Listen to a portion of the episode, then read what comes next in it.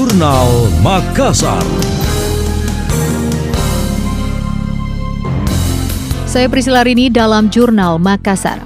Tim kuasa hukum terdakwa Nurdin Abdullah menghadirkan tiga saksi meringankan dalam sidang lanjutan kasus suap dan gratifikasi proyek infrastruktur Pemprov Sulsel yang digelar di Pengadilan Negeri Makassar. Salah seorang saksi yang dipanggil adalah mantan Presiden Direktur PT Vale Indonesia, Nicholas Dekanter atau akrab disapa Niko Kanter. Dalam kesaksiannya, Niko mengaku pernah bertemu dengan Gubernur Sulsel nonaktif tersebut untuk membahas mengenai persyaratan permohonan rekomendasi izin pinjam pakai kawasan hutan atau IPPK di kawasan Luwu. Izin tersebut dalam rangka ekspansi bisnis PT Vale. Menurut Niko, kala itu pihaknya berencana memperpanjang izin IPPK lantaran sudah kadaluarsa. Adapun pengajuan izin tersebut langsung ke Kementerian Lingkungan Hidup dan Kehutanan atau KLHK. Niko mengakui prosedur pengurusan izin IPPK cukup panjang dan berbelit-belit. Oleh karena itu ia meminta bantuan Nurdin Abdullah selaku Gubernur Sulsel untuk mengeluarkan rekomendasi langsung ke pusat adanya izin dari Pak Gubernur, baru kami boleh secara formal memproses di Kementerian Lingkungan Hidup.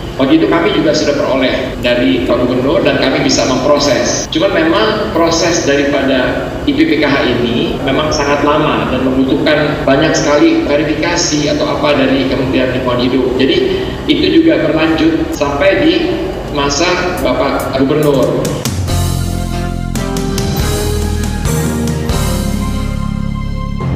Dalam kesempatan itu, Niko juga menegaskan pihaknya tidak pernah memberi imbalan apa pun atas bantuan rekomendasi Nurdin Abdullah tersebut. Menurutnya, sebagai perusahaan multinasional, pihaknya dilarang mengeluarkan anggaran yang tidak jelas peruntukannya. Niko menyebut, rekomendasi itu murni inisiatif Nurdin Abdullah dalam rangka mendorong investasi di Sulsel. Kalau dari sisi peraturan, kami tidak harus mengeluarkan uang sepeser pun untuk mendapatkan rekomendasi. Kalau dari sisi KLHK, setelah kami keluar izinnya, kami mempunyai kewajiban untuk membayarkan kewajiban kami sesuai dengan PNBP. Karena kalau begitu dikeluarkan e, izinnya, baru kami diharuskan membayar e, kewajiban kami. Saya tidak pernah mengeluarkan biaya sepeser pun juga dalam memperoleh rekomendasi dari Bapak Gubernur.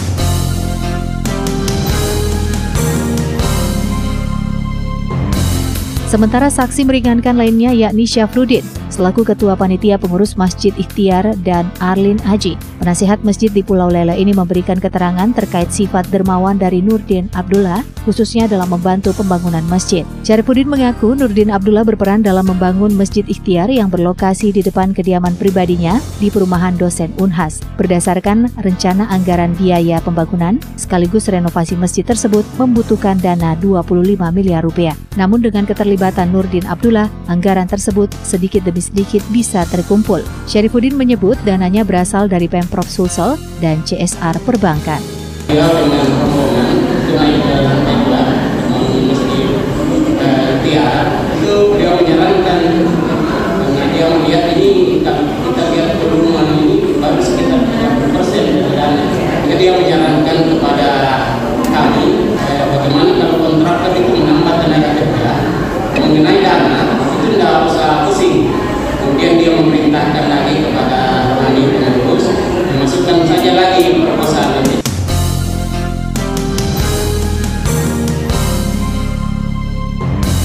Keterangan serupa disampaikan Arlin Aji yang menuturkan Nurdin Abdullah sering berkeliling pulau untuk melihat kondisi masyarakat. Saat tiba di Pulau Lailae, Nurdin Abdullah meminta masyarakat setempat menyampaikan keluhannya. Arlin lantas meminta Nurdin Abdullah membantu pembangunan masjid sebab kondisi masjid di wilayahnya sudah tak layak. Nurdin Abdullah menyanggupi dan menyuruh Arlin membuat proposal ke Pemprov Sulsel. Ia pun mendapat bantuan dana 2 miliar dari total anggaran yang dibutuhkan, yakni sebesar 3 miliar rupiah.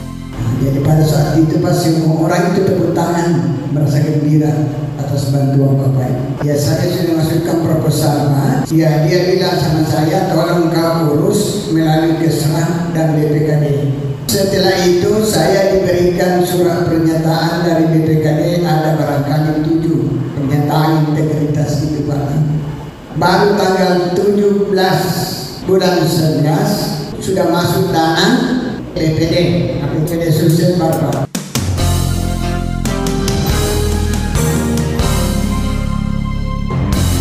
Arlin dan warga Lailae sangat berterima kasih dengan Nurdin Abdullah karena masjid sudah bisa digunakan beribadah.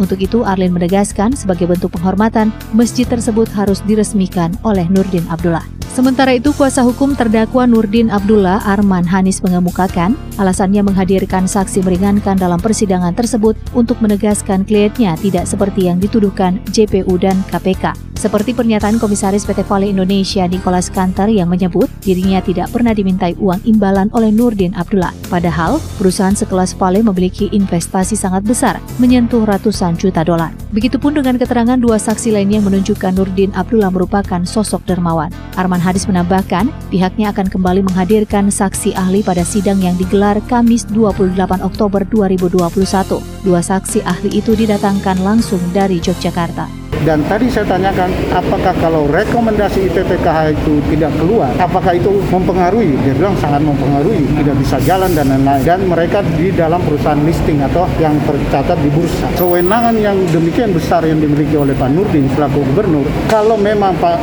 Gubernur sering meminta sesuatu, itu akan disalahgunakan.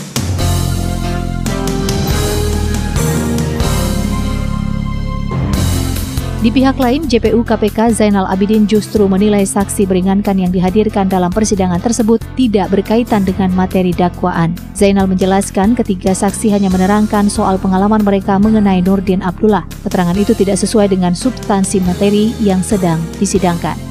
Saksi tersebut juga kalau sudah kami tanyakan dia tidak mengetahui tentang substansi perkara ini yang sedang kita sidangkan ini. Dia, dia tidak tidak tahu sama sekali. Dia hanya tahu dari media, dari teman-teman dia tahu perkara ini. Jadi terhadap saksi tersebut ya kami menganggap ya itu, ya itu hanya keterangan tersebut hanya berlaku ya bagi perusahaannya saja, tidak menyangkut substansi materi perkara yang sedang kita sidangkan saat ini, gitu ya.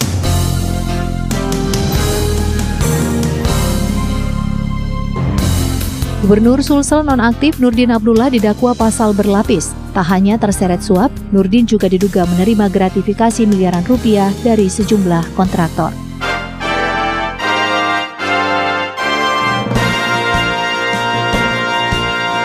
Demikian tadi, Jurnal Makassar.